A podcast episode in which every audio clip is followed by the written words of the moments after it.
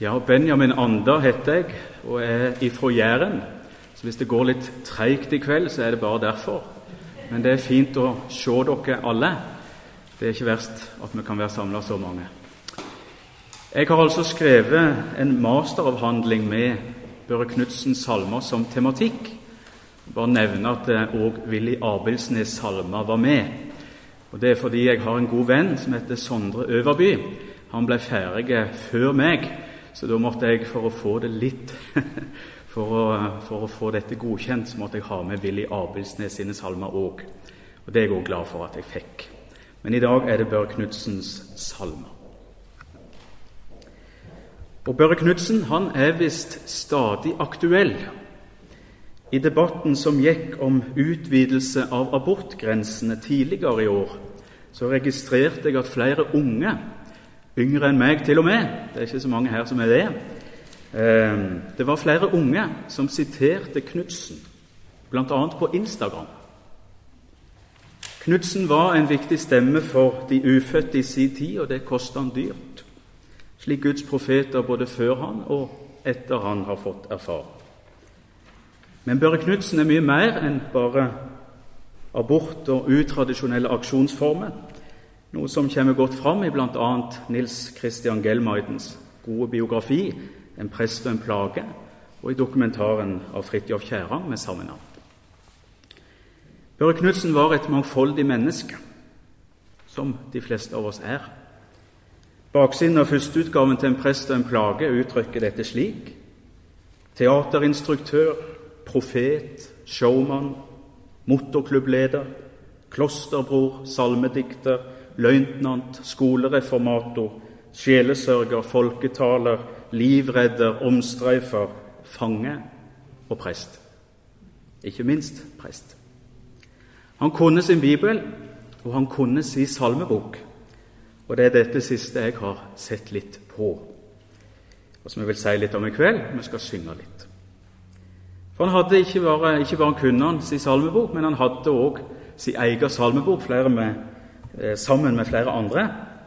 Det hellige bryllup fra 1976 og sangverk for Den norske kirke fra 1980.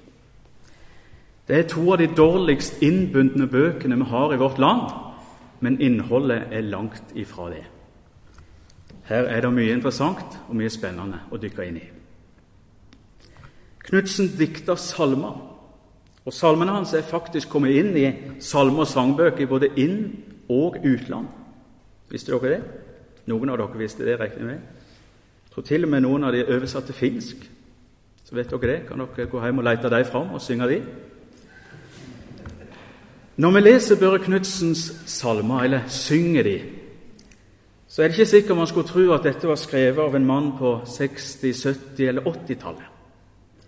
Man kunne noen ganger tro at man leste salmer skrevet med gotisk uleselig skrift fra 15-, 16- eller 1700-tallet. Og Det kan jo på mange måter samsvare litt med hvordan folk i sin tid så på Knutsen. Som en gammeldags prest, født altfor seint i forhold til de meningene han bar fram. Vi lever jo tross alt i 1980, eller jeg vet ikke Eller 2021 er vi jo nå. Og Slik sett har vi noe til felles, Børre Knutsen og jeg, i alle fall ifølge mormor. Hun mener jeg er født altfor seint. Og sjøl så fikk jeg honnørbillett som 15-åring. Men nok om det. Salmene til Knutsen er altså skrevet for ikke så veldig lenge siden. I en tid da salmedikting faktisk tok helt av i både Norge og internasjonalt. For Knutsen skriver sine salmer samtidig med det man i England kaller for the hymn explosion, salmeeksplosjonen. På 50-, 60-, og 70- og 80-tallet så foregikk det en stor fornyelse av salmediktningen i hele verden. Dette kan vi se i sammenheng med mange ting. Den økumeniske bevegelse, den liturgiske bevegelse, 68-opprøret, kald krig, klimakamp, feminisme og andre omveltninger og bevegelser. Salmene som ble skrevet på den tida, de fikk et litt annet fokus enn det en hadde hatt før. I Luthers sammenheng så var det salmer med fokus på Jesus og på hans frelsesverk som var i fokus og var sentralt før denne salmeeksplosjonen. Men med denne så kommer det inn nytt og mer moderne språk, nye temaer, nye melodier og mye mer i salmediktninga. På godt og på vondt, får vi si. Og Salmesangen i vårt land ble bl.a. mer preget av andre lands salmetradisjoner. Det kom salmer fra øst og vest og fra sør, inspirasjon fra svensk og engelsk salmediktning. Men det kom òg inspirasjon og salmer fra det afrikanske kontinentet og senere søramerikanske kilder, ikke minst med frigjøringsteologiske innslag og litt vel spenstige melodier, spør du en jærbu. Børre Knudsen skriver på mange måter sine salmer i kontrast og som korrektiv til denne salmeeksplosjonen, og og til samtidens salmediktere. Salmene hans kan nok òg absolutt kalles en protest mot det han og hans salmekolleger opplevde som en liberalisering, forflatning og ødeleggelse av salmeskatten som foregikk med, i arbeidet med den nye norske salmeboka som kom i 1985. Den som var grønn hjemme hos meg i Nynorskland, og den som var rød her i, i byen og ellers i landet der de bruker utenlandsk. I denne boka var mange av de eh, klassiske salmedikterne de var blitt modernisert og til dels omskrevet til det ugjenkjennelige. Vi skal se på et eksempel på det litt seinere. Og dette reagerte Knutsen sterkt på. Salmedikterne skulle få komme fram med sitt budskap ikke omskriveren sitt. For han er det ikke, er ikke det at salmen er såkalt forståelig for det moderne mennesket nødvendigvis det viktigste. For det er ikke mye i Knutsens diktning som minner om hilsong eller impuls.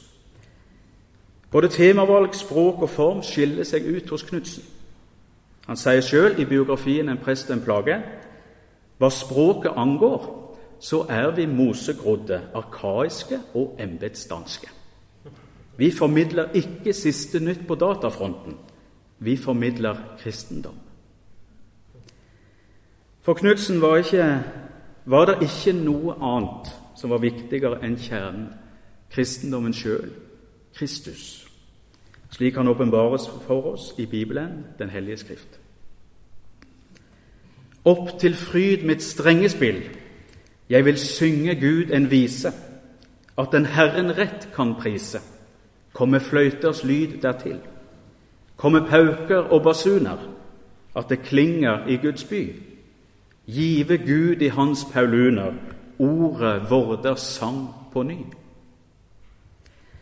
Slik åpner den første salmeboka, eller salmeheftet, Børre Knutsen utga sammen med sin prestekollega Willy Abelsnes, som for øvrig har skrevet teksten på det nettopp las, og også sammen med Bjørn Bjørneboe, som var ansvarlig for det grafiske. Samlinga som heter 'Det hellige bryllup', en tittel vi skal komme litt tilbake til. Denne strofa den forteller noe om hva Knutsen ønsker med salmene sine, og noe om særtrekket hans, både i språk, form og innhold. Salmen eller sangen heter 'Precinien', som betyr noe slik som forspill. Og Denne fungerer slik et forord gjør i ei bok. Knudsens og Abelsnes mål er altså å synge Gud en vise, at den Herren rett kan prise. Det handler om å tilbe Gud på rett vis. Det handler ikke om populærmusikk, det handler om noe mye dypere. Om sannheten. Om å tilbe i ånd og sannhet. Et sitat fra den danske dikterprest og martyr Kai Munch kan passe godt som en overskrift både for Børre Knudsens liv, men òg for hans salmediktning. Han sier Aldri, aldri, aldri spørre om det nytter, blott om det er sant. Dette gjør at salmenes temavalg, språk og form på flere måter avviker fra Knudsens samtidige salmediktere. Knudsen plasserer seg sammen med de klassiske salmedikterne i Luthers sammenheng, særlig fra barokken. Kingo, Brorson og Petter Dass er forbildet, forteller han sjøl. Og Det kommer tydelig til uttrykk i salmebøkene han var med å utgi, hvor mange av disse er representert med sine salmer, men ikke omskrevet, sånn som bl.a. Andreas Aarflot var med på å gjøre. I et TV-intervju, som dessverre nå er borte fra NRK, men det lå lenge ute på NRK NRK var lenge en skjult skattkiste på Internett. og Der fant jeg mye av mitt stoff til min avhandling. Og Der eh, blir Børre Knutsen intervjua og spurt om hvorfor han er så gammelmodig i sin form i sine salmer. Og Knutsen svarer slik.: Det er fordi jeg gjerne vil stå i sammenheng med tradisjonen. Jeg vil gjerne synge sammen med Peter Dass, Kingo og Brorson. Jeg fjerner meg ikke lenger fra dem enn det som er nødvendig gjennom den språklige utvikling vi har hatt. Dette er en tradisjon som jeg selv står i, og som jeg selv synger i. Og Dessuten har det også noe med forholdet til bibeltekster å gjøre. Min bibeltekst er den boken som der ligger på bordet, 1930-oversettelsen, og også tidligere utgaver som jeg identifiserer meg med. For først og fremst så er Børre Knudsens salmer skrevet med Bibelen som fundament og klangrom. På spørsmål om hva som er malen i diktninga, har Knudsen sagt jeg tror malen først og fremst har vært Den hellige skrift. Det er dette å bruke Den hellige skrift, Bibelen, som klangrom for salmen. Vi synger i et rom, og rommet er gitt av Bibelen. Børre Knutsen var radikal, ikke bare i sin kamp mot abort, men òg i sin salmediktning. Og Da snakker vi litt om den opprinnelige betydninga av ordet radikal, fra latin 'radix', altså rot. Det handler nemlig om å gå til røttene. Og de finner vi i Bibelen, Den hellige skrift. Der finner Knutsen sin inspirasjon til sin salmediktning. Og det er helt tydelig at både Det nye og Det gamle testamentet klinger med. Som kirkefaderen Augustin har sagt, Det nye testamentet ligger skjult i det gamle, og Det gamle testamentet ligger åpenbart i det nye. Dette er noe vi finner igjen ganske tydelig i Børre Knudsens salmer. Dette skal vi se noen eksempler på i det videre, særlig i de første salmene. Knudsen bruker som sagt Bibelen som fundament for sin salmediktning. Det er òg der han finner tematikken for salmene sine. Og det er ikke bare i form og språk at Knudsen skiller seg ut. Men òg i temavalg skiller han seg ut fra samtidens salmediktere. Han drar på mange måter tilbake og deler tematikk med de klassiske lutherske salmedikterne, som alt har vært inne på. Samtidig har han òg salmer som på mange måter skiller seg ut fra det meste som er kjent. Men Kristus er i sentrum, han som Luther kaller Skriftens kjerne og stjerne. Jesu frelsesverk er helt sentralt og offerets betydning i frelsesverket blir betont. Derfor min avhandlingstittel 'Sanger fra Moria berg'. Moria, stedet hvor Abraham blir bedt om å ofre sin sønn, men hvor væren blir et sted for tredende offer, som blir Isak til frelse. Og Dette peker fram mot Guds store kjærlighetsoffer på Golgata. Sakramentene har en tydelig plass i salmene. Vi har å gjøre med en klassisk teolog og salmedikter. At dåpen og nattværen har en stor betydning for den kristne, skjønner vi fort. Han skriver tydelig om prestetjenesten, og vil nok bli kalt såkalt høykirkelig av den, og kanskje av flere grunner. Om det er noe som særmerker Knudsens salmer, og som skiller han litt ut, så er nok det bruken av brudemystikken og det nærmest erotiske språket i salmen hans. Her skal det nevnes at det er særlig Willy Abelsnes som målbærer dette i salmebøkene Det hellige bryllup og sangverket. Men for Knutsen er dette òg helt sentralt, og det ligger som et grunnlag for diktninga. Høysangen er et av de skrift i Bibelen han henter sin inspirasjon fra, og som han taler varmt om. Han har bl.a. sagt Høysangen er Skriftens hjerte, Skriftens kvinnehjerte. Og den står også ganske riktig midt i Den hellige skrift. Og Da skjønner vi noe av at den første salmeboka ble kalt nettopp Det hellige bryllup. Dette ble en lang innledning. Slik er det når man inviterer Benjamin Anda på besøk. Så nå må vi synge før vi går litt inn i noen av Knutsens salmer. Og det skal vi gjøre tematisk. Når jeg skrev min avhandling, så hadde jeg delt den i tre. Først en innledning om samtiden og om Børre Knutsen og Willy Abelsnes. Så hadde jeg en tematisk gjennomgang av salmene. og Det er det det blir i kveld. Og til slutt så hadde jeg en, eh, en del hvor jeg så på hvordan disse salmene ble mottatt. Det skal vi så vidt innom, men eh, der kunne jeg sagt ganske mye. Eh, så jeg skal ikke ta så mye av det, men litt, et lite glimt av det òg. Men mest tematikk blir det i kveld. Vi begynner, ikke unaturlig, med dåpen.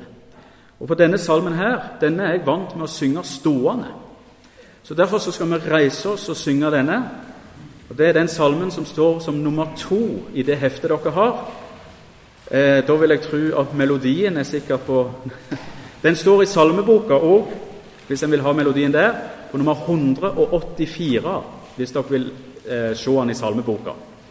184 i Norsk salmebok, eller salme nummer to i det heftet dere har fått. Farao nådde oss like ved strand. Vi synger.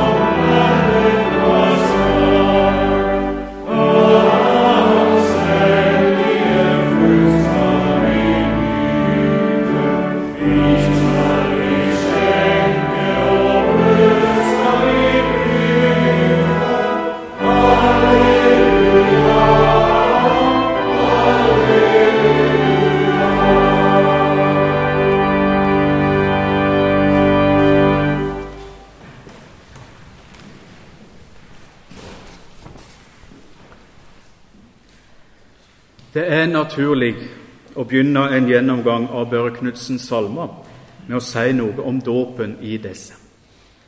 Og Flere av salmene hans har nettopp dåp som tematikk, og vi kunne si som forutsetning. Salmene har en djup bibelsk forankring.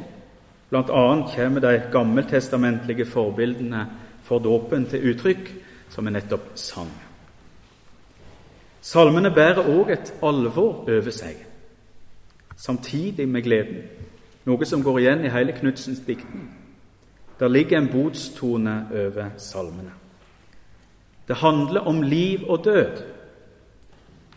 Og For å si det litt lada og veldig forenkla, så handler det ikke om den koselige barnedåpen slik vi kanskje kjenner. I Norsk salmebok fra 2013 har Knutsen to salmer. Det er nummer 184 og 185. Og Begge disse salmene har dåpstematikk og står under overskrifta 'Påskeaften'. Da påskeaften, eller rettere sagt påskenatt, er og var den store dåpsfesten i de historiske kirkene. Disse to salmene skal vi se litt nærmere på nå. Så kunne jeg sikkert sagt mye om at Knutsen ikke var særlig begeistra for å havne i Den norske kirkes salmebok, men det er det mange som kjenner historien bedre til enn meg. Men eh, min hypotese er at de var for gode til at en kunne unngå de. Og eh, særlig den som jeg nettopp sang, ble sneket inn bakveien gjennom påskenattsliturgien i Den norske kirke, har jeg forstått. Så man finner måter når ting er for bra. Vi får tolke det slik. Vi begynner med å si noe om den som vi nettopp sang som må sies å være den mest kjente salmen til Børre Knutsen. Faraosangen, som jeg har lært at eh, man kaller den. Og begynner slik.: Farao nådde oss like ved stranden. Vi lå i leir foran Pihakirot.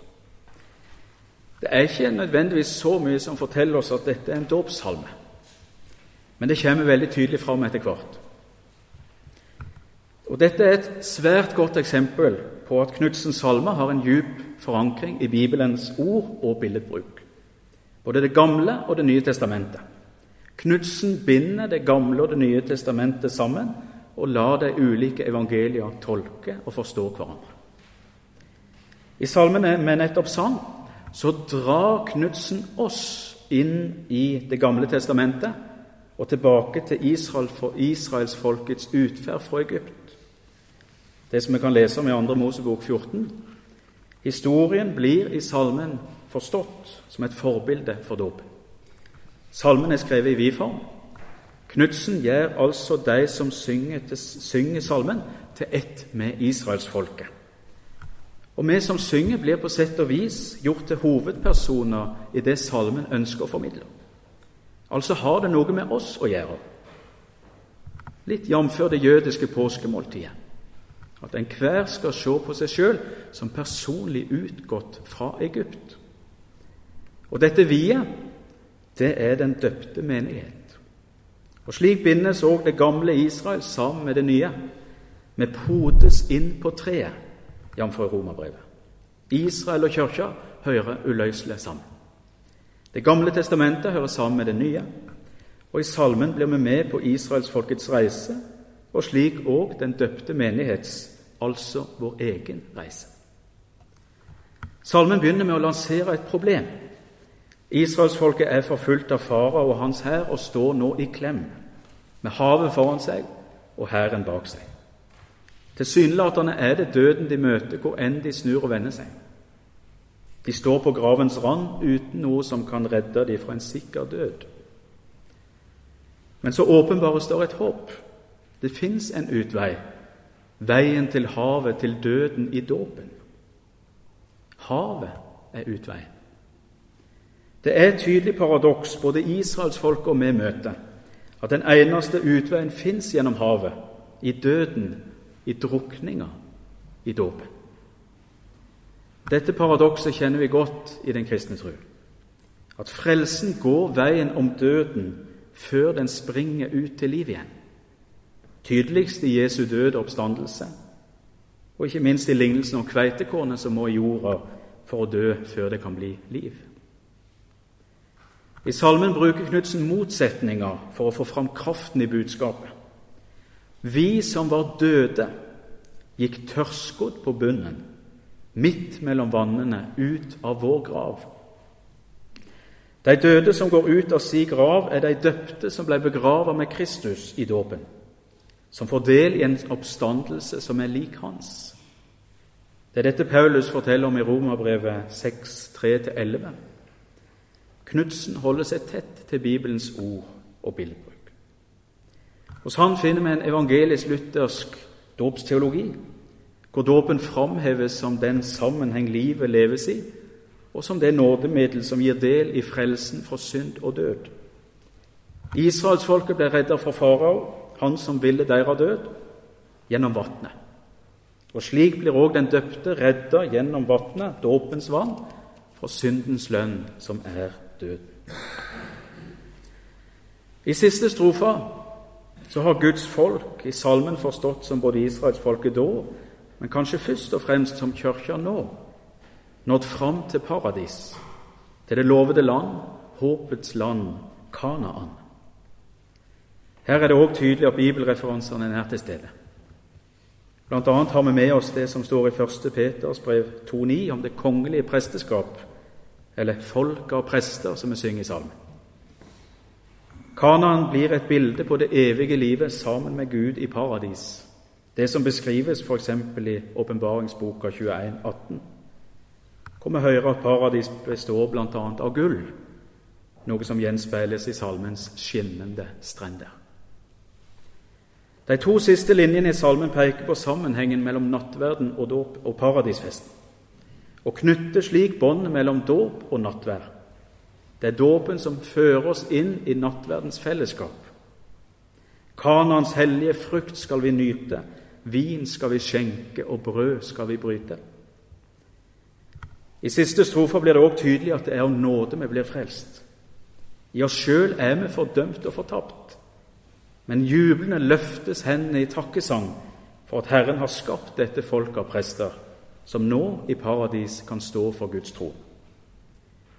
Og Kanskje kan vi òg ane noe av det lutherske simul justus et peccator, samtidig rettferdig og synder. Jublende løfter vi hellige hender, vi som for lengst var fordømt og fortapt. Vi gjør det her og nå. Vi skal gjøre det en gang der framme. Alt nå, ennå ikke. Noe av dette ser vi kanskje enda tydeligere i den andre av Knudsens salmer som har funnet veien inn i Norsk salmebok. Den skal vi synge nå. Den står på nummer tre i heftet, eller på nummer 185 i Norsk salmebok. 185. Vi synger.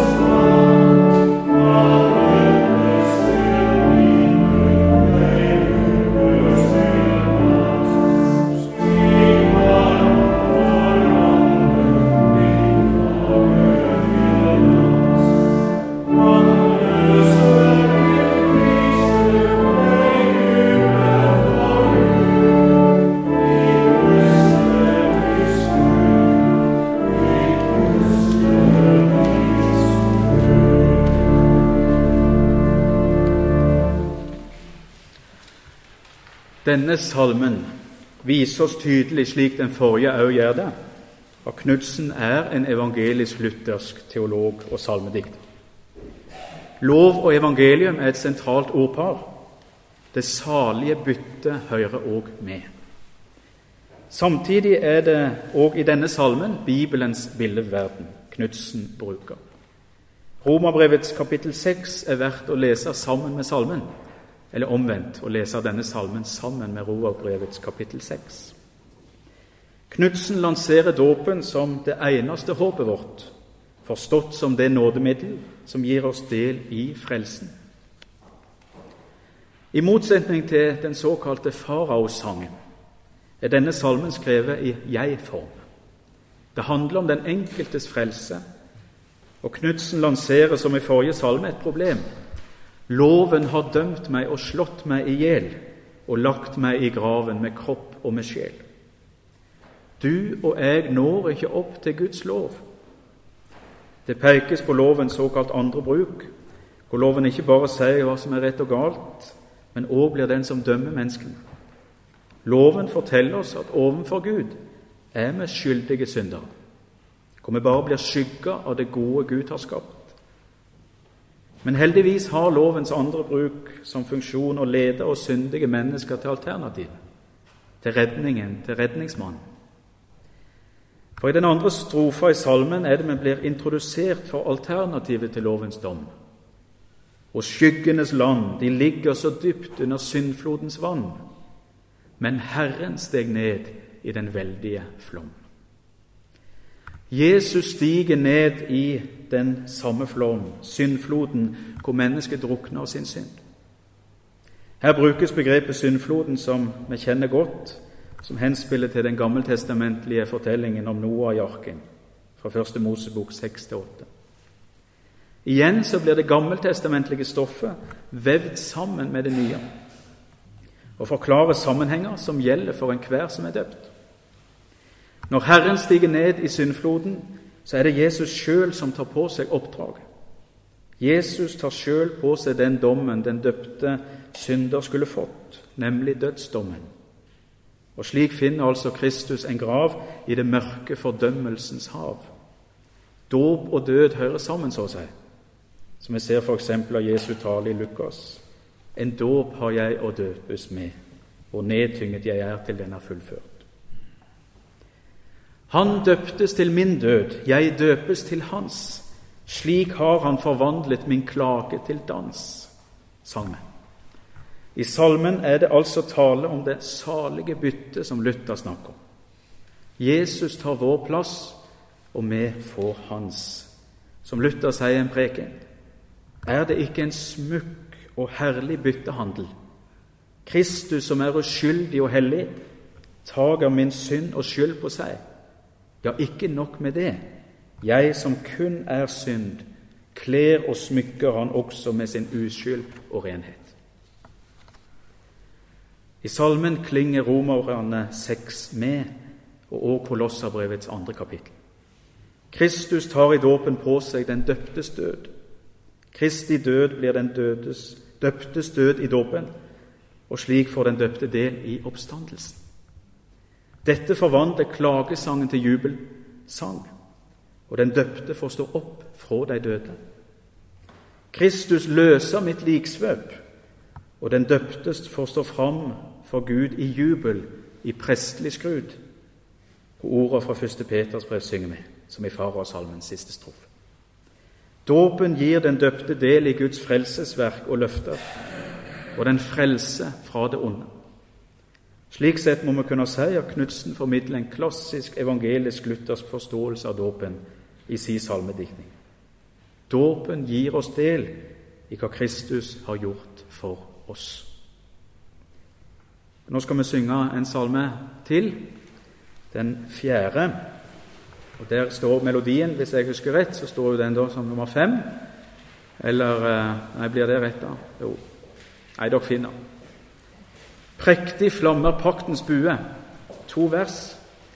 Og eh, Jostein spiller verset igjennom for oss, og så slenger vi oss med med synget.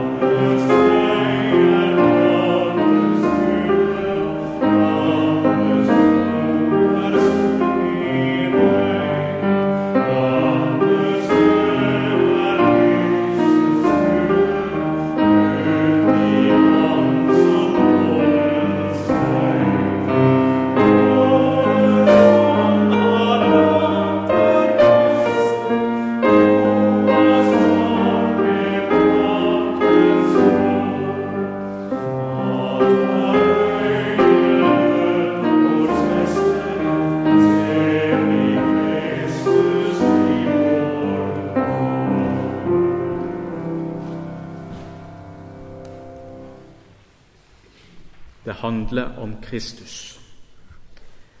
Vi skal gå videre og finne salmen som står like etterpå. Deg, Herre Jesus, vil vi bekjenne. Og Slik går vi naturlig over ifra dåpen til nattværen. Vi synger. Og Den melodien tror jeg dere kjenner, for den kjenner vi òg ifra 'Og at jeg kunne min Jesus prise'. Så, eh, men ellers så står melodien òg i Norsk salmebok. Jeg husker ikke på hva nummer, men jeg tror det står i heftet. Så hvis dere trenger den, så står den der. Men jeg tror vi kan den. Deg, Herre Jesus, vil vi bekjenne.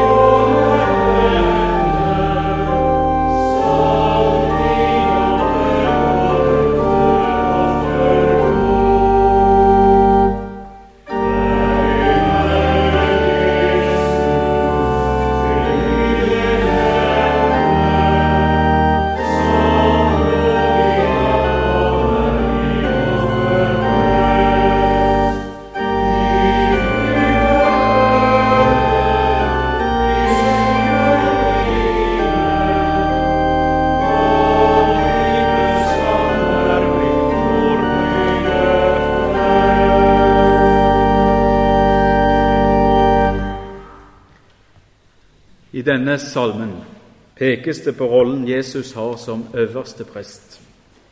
Kristus er både offerlam og offerprest. Han er både den som ofres, og den som ofrer. Dette prises han for, at han har tatt på seg det som egentlig var vår dype skam, og som skulle være vår død. Her aner vi igjen tanken om det salige byttet fra Luther, som følger oss ifra dåpssalmen. Videre i den andre strofa pekes det på at det er for vår skyld Kristus dømmes. Og Her kommer nattverden inn og peker på den forvandlende kraft Kristi kjærlighetsoffer har. Kristi hender gjør det onde om til noe godt, fra død til liv. Offeret blir til frelse og salighet. Igjen pekes det på menneskets skyld og på hvordan Jesus vender drapet til offergaver til soningsdød.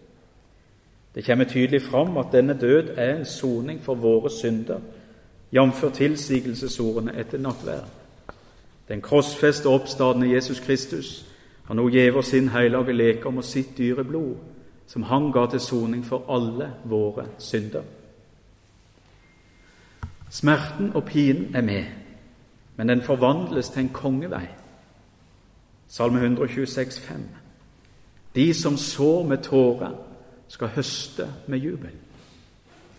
Dette verset ligger på mange måter til grunn for all den botstone vi kan finne hos Knutsen. Pinerop blir forvandla til jubelrop. Smerten gir grunn til gleden. Det er et troens paradoks. I salmen ser vi at nattverden og Golgata-offeret bindes tett sammen. Det er dette offer som gir nattverden, nattverden sin mening. Et offermåltid som gir del i syndenes forlatelse. Det er et offer, en gave til den kristne, både kollektivt og personlig. I den siste strofa henter Knutsen opp igjen fra det første.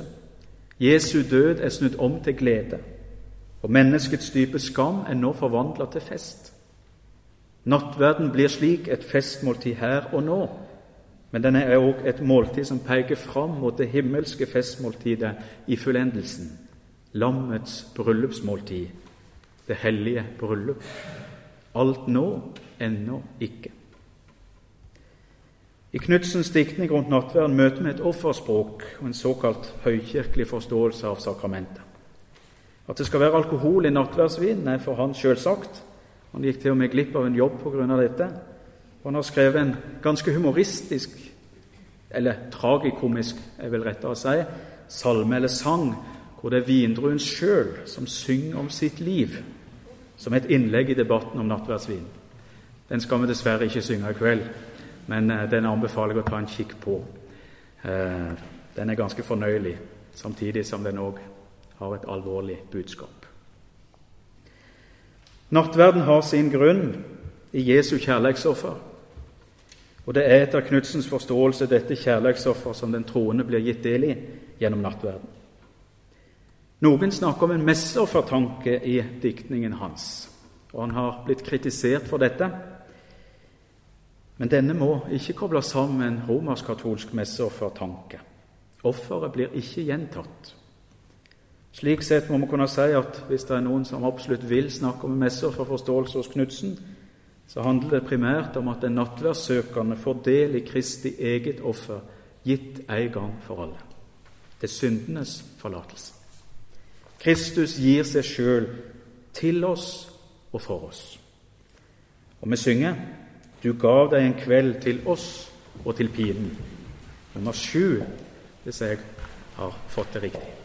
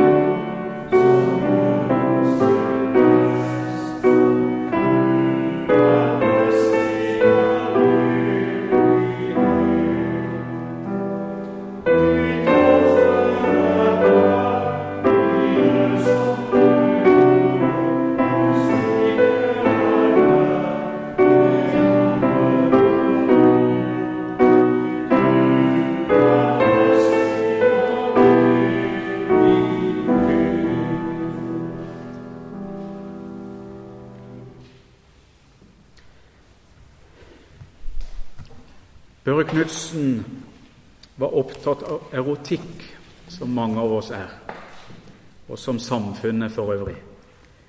Men for Knutsen handler det mest om brudemystikken. I et intervju så får Knutsen følgende spørsmål om sin diktning.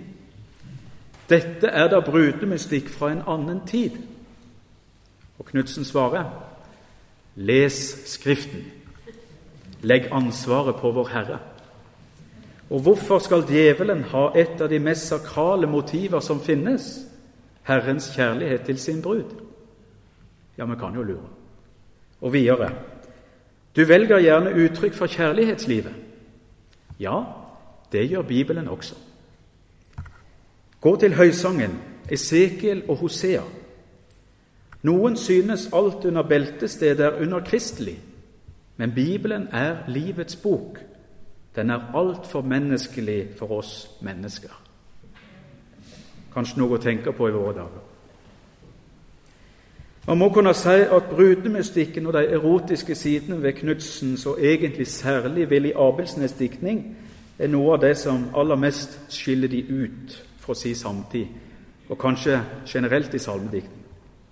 Kort sagt handler dette om at forholdet mellom Kristus og Kirka, eller den troende, kan sammenlignes med et ekteskap, et bryllup. For Knutsen er dette viktig. Man kan se på det som et grunnlag for hans kristendomsforståelse. Og Det kommer jo tidlig til uttrykk både i tittelen og gjennom billeduttrykket på framsida av det hellige bryllup. Det er nok riktig å si at det er få salmediktere de siste hundre år som har lagt så stor vekt på brudemysteriet og disse sidene ved trosuttrykket som det Knutsen og særlig Abelsnes har gjort. Her er de nok mer beslekta med barokkens, og da særlig pietismens salmediktere, selv om de òg står i en viss kontrast til en del av pietismens salmer på andre områder. I pietismen så var det, det inderligheten i gudsforholdet som på mange måter fikk sitt utslag i diktning med bilder fra brudemystikkens verden. Brorson er et av forbildene som må nevnes i denne sammenheng. Og nettopp Brorson er representert i sangverk for Den norske kirke med nærmere 50 salmer. Flere av disse med brudemystikken som motiv. Samtidig som at det er pietismens salmediktere spesielt de har som forbilder når det kommer til denne delen av salmediktningen, så er det i hovedsak ut fra Bibelen sjøl de vil mene at inspirasjonen er henta fra. Som jeg også siterte Knutsen på tidligere. En gammel rabbi sa en gang at alle de hellige skrifter er store helligdommer, men at helligdommen over alle helligdommer er shirs hashirim, høysangen. Høysangen er Skriftens hjerte. Skriftens kvinnehjerte. Og den står også ganske så riktig midt i Den hellige skrift. Børre Knutsen om høysang. Når vi nærmer oss brudemystikken i Knutsens diktning, er det ett bibelskrift vi ikke kommer utenom, og det er nettopp høysang. Som alt har sagt, så er det òg på dette området Bibelen som er den grunnleggende inspirasjonskjelda. Og høysangen kanskje den viktigste, i tillegg til bl.a. profeten Hosea, som vi skal se etterpå. I høysangen finner de altså det som blir forbildet for denne djerve bildebruken de tyr til. Og Der ligger på mange måter grunnbildet for deres salmediktning. Hele årsaken til at boka ble kalt Det hellige bryllup, og at de vurderte å kalle sangverket for Salomo og Sulamitt. For høysangen handler jo egentlig om disse to, Salomo og hans Sulamitt, og deres kjærlighet poetisk uttrykt. Det spørs om folk hadde tatt referansen hvis det var en bok som heter det, så de ble snakka fra det. En poesi som i store deler av kirka sin historie har blitt brukt som et bilde på forholdet mellom Gud og menneske. Brudemystikken går tilbake til jødedommen og oldkirka og er slik sett en viktig del av den kristne tru og tradisjon. Augustin blant andre fikk brudemystikken individualisert. Altså at brudemystikken handler om forholdet mellom Gud eller Kristus som brudgom og den enkelte troende som brud. Luther skal ha tatt tilbake en mer kollektiv forståelse av dette, noe vi også finner igjen hos Knutsen. Luther er med. Salmene er primært menighetens sang. Troen leves ut i et fellesskap. Og Her skiller på mange måter Knutsen og co. seg litt ifra pietismens salmediktere. Kirka sitt fellesskap står sterkt for Knutsen. Trua leves ikke alene. Knutsen er opptatt av å forstå gudsforholdet som ei pakt, i brudemystikken som ei ekte pakt. Derfor er det òg snakk om horeri når pakten blir brutt. Det som skiller oss fra Gud, vår ektemann. Slik vi finner eksempler på i fortellingen om israelsfolkets vandring med og borte fra Gud. Jesaja 57, 57,3.: Kom hit, deres sønner, av en kvinne som tyder tegn, avkom av en ekteskapsbryter og en hore. Men ikke minst henger paktspråket sammen med korsmysteriet, hvor pakten på mange måter fullbyrdes. Det er her viktig at Gud er den aktive, menigheten bruden den passive mottagende. Brudgommen gir seg sjøl til brudens frelse som den oppofrende ektemann, jf. Efeserne 5. Som jeg nevnte innledningsvis, var Knudsens diktning òg ei protest mot det arbeidet som foregikk i og med en ny salmebok i 1985. Her var mange av de klassiske salmedikterne blitt modernisert og til dels omskrevet til det ugjenkjennelige. Et eksempel er salmen 'Om alle mine lemmer' av Petter Dass hvor Dass i originalen har bevart i siste vers en hentydning til høysangen. I motsetning til Dass og Børre Knutsen så hadde visst ikke tidligere biskop Andreas Aarflot særlig sans for det erotiske og brudemystiske. Så i salmebokarbeidet fant han det nødvendig å redigere salmen. Det kan jo være tryggest. Så en del av salmen gikk fra å være sånn La lykkes Jesu navn, at sula mitt må take sin Salomo i favn. Og nå heter det, eller iallfall står det det i boka La lykkes Jesu navn, så vi vår vei kan finne inn i din faderfavn. Høres litt tryggere ut. Relativt uskyldig, men likevel skummelt for årflått, som så mye annet, dette med høysang. Men over til Knudsens diktning. Vi synger på nummer åtte blir, Nei, det blir ikke det. Vi synger iallfall 'Fryd deg storlig, Sions datter'. Bjarte prøver å vise meg, men jeg er det sju? Ja. Fryd deg storlig, Sions datter.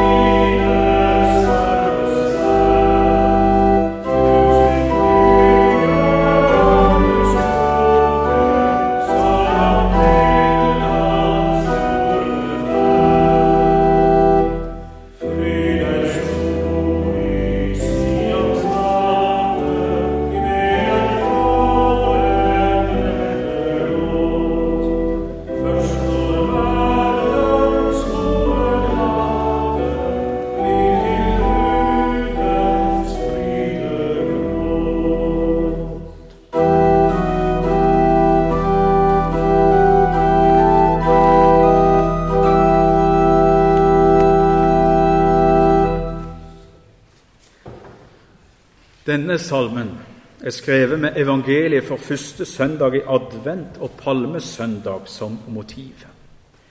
Altså ikke det vi typisk tenker som en fortelling preget av brudemystikk, men salmen innehar en del sentrale moment hentet fra brudemystikken. Som sagt, det er palmesøndag, Jesu inntog i Jerusalem på et esel. Han er fattig og sakmodig, og han rider på et øk. Det gamle testamentet klinger òg med fra profeten Zakaria. Rop med fryd, Sions datter. Rop høyt, Jerusalems datter. Se, din konge kommer til deg. Rettferdig er han og full av frelse. Ydmyk er han og rir på et esel. Salmen innleder med GT-sitatet fra Zakaria 9. Fryd deg storlig, Sions datter. Sions datter er altså adressat. Og umiddelbart får vi høre at Sions datter er den samme som Kristi brud i linje 2. Her ser vi at Knutsen peker på Kirka som Israel, og ikke minst at Kirka er brud, altså er Kristus brudgom. Videre får vi høre at verden aldri fatter hva du ser i slik en Gud. Vi hører en gjenklang av 1. Korinterbrev 1,18, hvor det kristne budskapet skrives som dårskap i denne verdens øyne. I denne salmen kan vi se at Knutsen har hentet inspirasjon fra Hosea-boka i Det gamle testamentet. Profeten Hosea som gifter seg med den prostituerte Gomer. Og Profeten Hoseas eget liv med Gomer blir et bilde på Gud som tar det syndige mennesket tilbake, jf. det hellige bryllup. Her ligger òg noe av det som er særmerkende ved Knutsens og Willy Abelsnes djerve språkbruk. Ord som hore og skjøge, som jo er henta fra Bibelens egen billedverden. Dette opplevdes nok fremmed i samtiden, og ikke minst i dag. Det ville nok vakt en del reaksjoner om denne salmen ble sunget på palmesøndagens familiegudstjeneste. Jeg vet ikke om jeg vil anbefale det.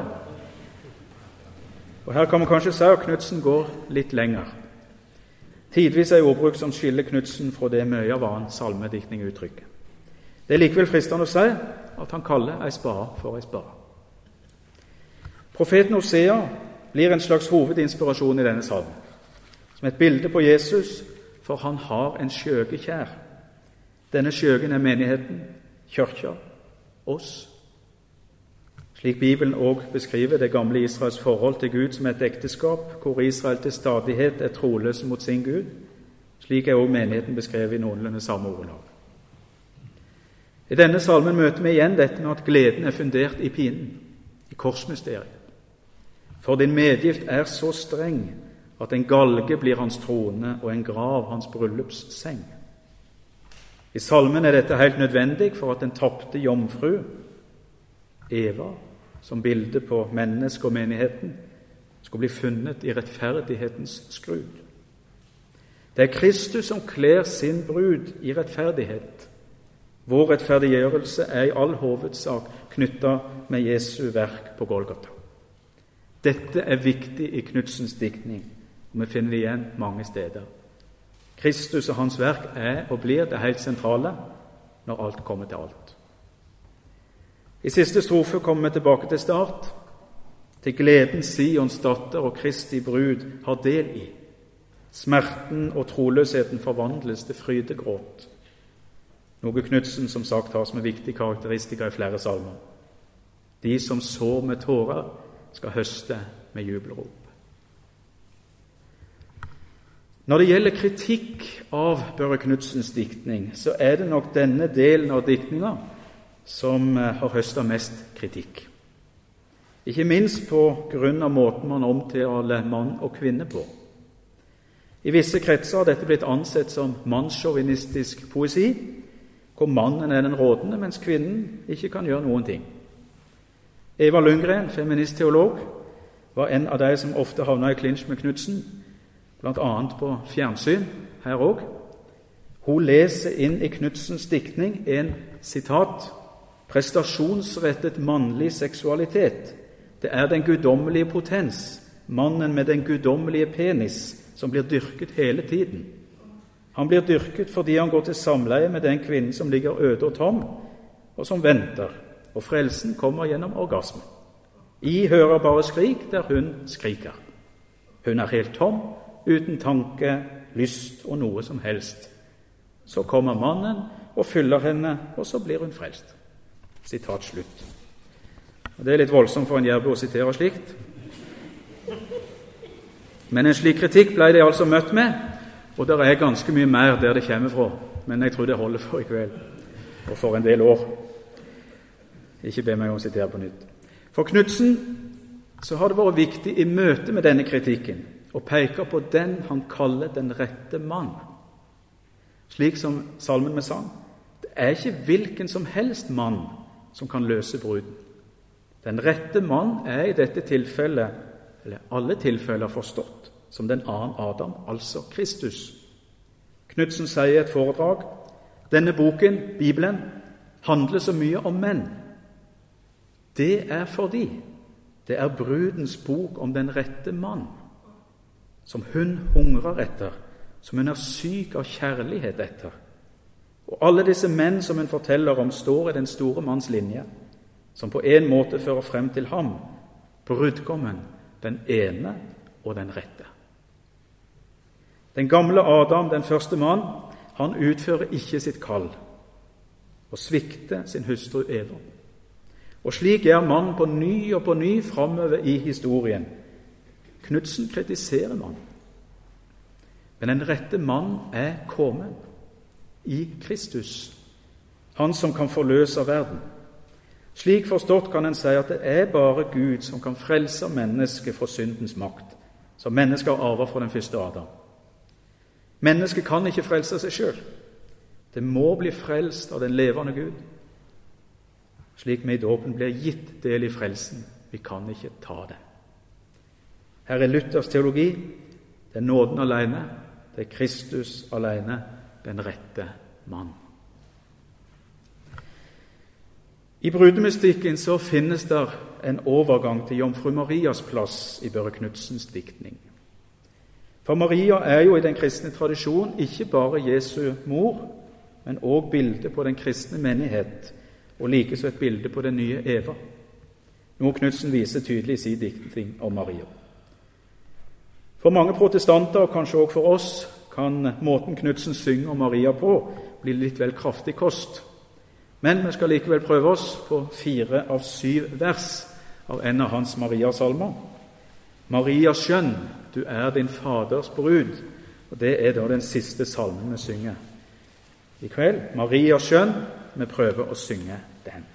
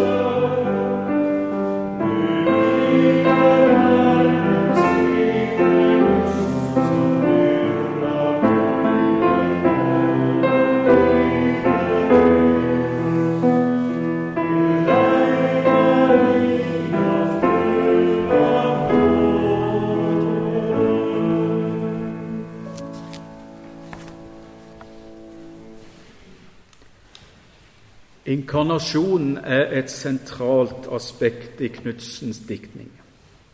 Hos han er inkarnasjonen og jomfru Maria naturlig nok sammenvevd tett. Dette er en tematikk som skiller Knudsen fra lutherske salmediktere med deres diktning omkring jomfru Maria. Salmen vi nettopp sang, så finner vi en salme som nok kunne gått rett inn i romersk-katolske salmebøker. Og Noen av Knutsens salmer har også gjort nettopp det. Han har flere salmer i Lov Herren, den katolske salmebok. På luthersk hold, iallfall her hos oss, må vi vel kunne si at de har blitt møtt med en viss skepsis, eller kanskje stillhet. Her ser vi en ganske annerledes omtale av Maria enn det vi er vant med i Luthers salmediktning. Maria blir her noe mer enn bare Jesu mor, misforstår meg rett. Her blir Maria òg et bilde på Kirka i det hun samtidig er brud og moder, et motiv vi finner igjen hos f.eks. kirkefedre. Hver strofe avsluttes med engelens hilsen 'Hill deg, Maria, full av nåde', som vi òg kjenner fra Rom. Sjøl sier Knutsen dette, litt humoristisk kanskje, om Maria-diktninga. Skal man først prise Herren, så syns jeg man kan gi mora hans litt også. Når det gjelder salmen, er det elementer en kanskje kan stille spørsmål ved. I alle fall gjorde min kjære, gode veileder Arve Brunvoll det. Jeg er kanskje litt naiv, kanskje, jeg vet ikke, men Arve stilte iallfall spørsmålet. F.eks. ved tredje linje Gudstjenerinne svanger med sin Gud. Her kan det høres ut som om Knutsen sier at Gud besvangrer Maria på samme vis som mann og kvinne. At Gud bidrar med sædcellen og Maria med eggcellen. En slik tolkning av inkarnasjonsdogmet vil nok være litt problematisk og ikke i tråd med en klassisk forståelse av inkarnasjonen. En annen og sannsynligvis mer riktig forståelse av strofa vil nok være at Maria bærer Gud i magen, for å si det enkelt. Dette er nok en mer riktig tolkning av forfatterens intensjon, og ikke minst mer i tråd med forståelsen av Maria som Theotokos, gudfødersken, som vi finner hos kirkefedrene. I siste strofe av salmen bruker Knutsen høysangens ord for å tolke Maria. Opp gjennom historien så har Maria ikke bare stått for seg sjøl, som nevnt, men hun har også blitt brukt som bilde på bl.a. kirka. Dette finner vi som sagt igjen hos Knutsen, når Maria kalles både mor, søster og brud. Opp gjennom har Maria blitt kalt kirka si mor, vi kan kanskje ane kirkefader Kyprians kjente utsagn 'Den som ikke har Kirken som sin mor, kan ikke ha Gud som sin far', klinger med. I salmen så ser vi at sønnen trøster sin mor, brud og søster. Alle bilder på den samme kirka. Trøsten skjer gjennom nådemidlene, i dette tilfellet nattverd. Til slutt er det en referanse til høysangen, hvor det er bruden i diktet 'Sulamitt' som priser sin brudgom. I salmen kan vi kanskje si at den troende får hvile ved kirka sitt bryst. Et tryggere sted kan vel ikke finnes enn ved sin mors barn. Knutsen kaller Maria for både mor, brud og søster, som vi har vært inne på. Maria blir et bilde. Et annet perspektiv som her dukker opp, ikke så direkte, men litt indirekte, er tanken om Maria som den nye Eva. En tanke vi også finner i oldkirkelige kjelder, f.eks. hos Justin Martyr og Ireneus. Slik vi kjenner det fra tanken om Kristus som den nye Adam. Slik Eva hørte til Adam, hører Maria til Kristus med positivt fortegn. Hun har møtt den rette mann, som vi var inne på under brudemystikken. Brudemystikk og mariologi veves sammen i Knudsens diktning. I salmene hans florerer det av bilder og sammenhenger som jeg håper dere kanskje har sett. Knutsen binder det hele sammen med inkarnasjon og frelsesverk. Og Slik kan bruken av Maria i diktninga kanskje forsvares ut fra et luthersk ståsted. Det pekes alltid på Kristus, og en vil nok ikke finne noe som direkte strider mot den lutherske bekjennelse. Men at ordbruken av Maria er uvanlig i vår sammenheng, er enkelt å se både i denne og andre salmer hvor Maria opptrer. Og Slik sett Kanskje forståelig at ikke akkurat denne salmen er en av de som er kommet inn i de lutherske salmebøker. Men likevel har han kanskje noe å formidle om en djup teologisk sammenheng i Skriften.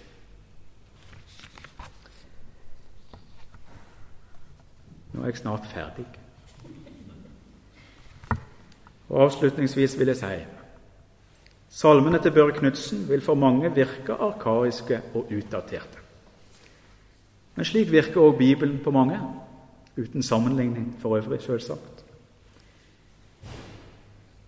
Likevel er Bibelen en umistelig skattkiste. Og kanskje kan Knutsens salmer føre oss dypere inn i Bibelen sjøl. Så om man virkelig går inn i dem og kanskje tar noen av dem i bruk, så ligger det her en enorm rikdom av bibelsk materiale som kan berike både det personlige kristne livet og menighetens sang- og gudstjenesteliv. Knutsens salme har en dypne og et alvor i seg som godt kan få utfordre oss og vår tenkning om ulike deler ved teologien. Kanskje kan Knutsens salmer lede oss inn i en dypere forståelse av hva det betyr å være en døpt kristen. At det faktisk handler om liv og død og alvor. Men den som sår med tårer, skal høste med jubel. Det er nettopp i alvoret at gleden og lovsangen kan spire fram i oss. Så òg vi med israelsfolket, kirka og Knutsen jublende løfter hellige hender vi som for lengst var fordømt og fortapt. Børre Knudsens salmer inneholder en evangelisk-luthersk teologi forankra djupt i den, hellige skrift og hos kirkefedrene. Børre Knudsens salmer er både kritikk og korrektiv, poesi og protest. Men først og fremst er det et uttrykk for en som ville være en Herrens tjener og lovsynge Gud verdig og rett med Bibelen sjøl som kilde og mal. Og Går vi inn i salmene hans, så vil en se at det er og blir Jesus Kristus som er salmens kjerne og stjerne. Og Derfor vil jeg avslutte med et dikt som Knutsen skrev til sin sønn i hans bibel. Din bibel er fra først til sist et bilde av din, den Herre Krist. Og mens du leser, leker Guds penn med mange streker så det er vanskelig å si hva disse strekene skal bli. Men hvis du bare holder på og følger med, skal du forstå at hver en strek er viktig, for alle streker hører med i bildet, for at du skal se din Herre Jesus riktig.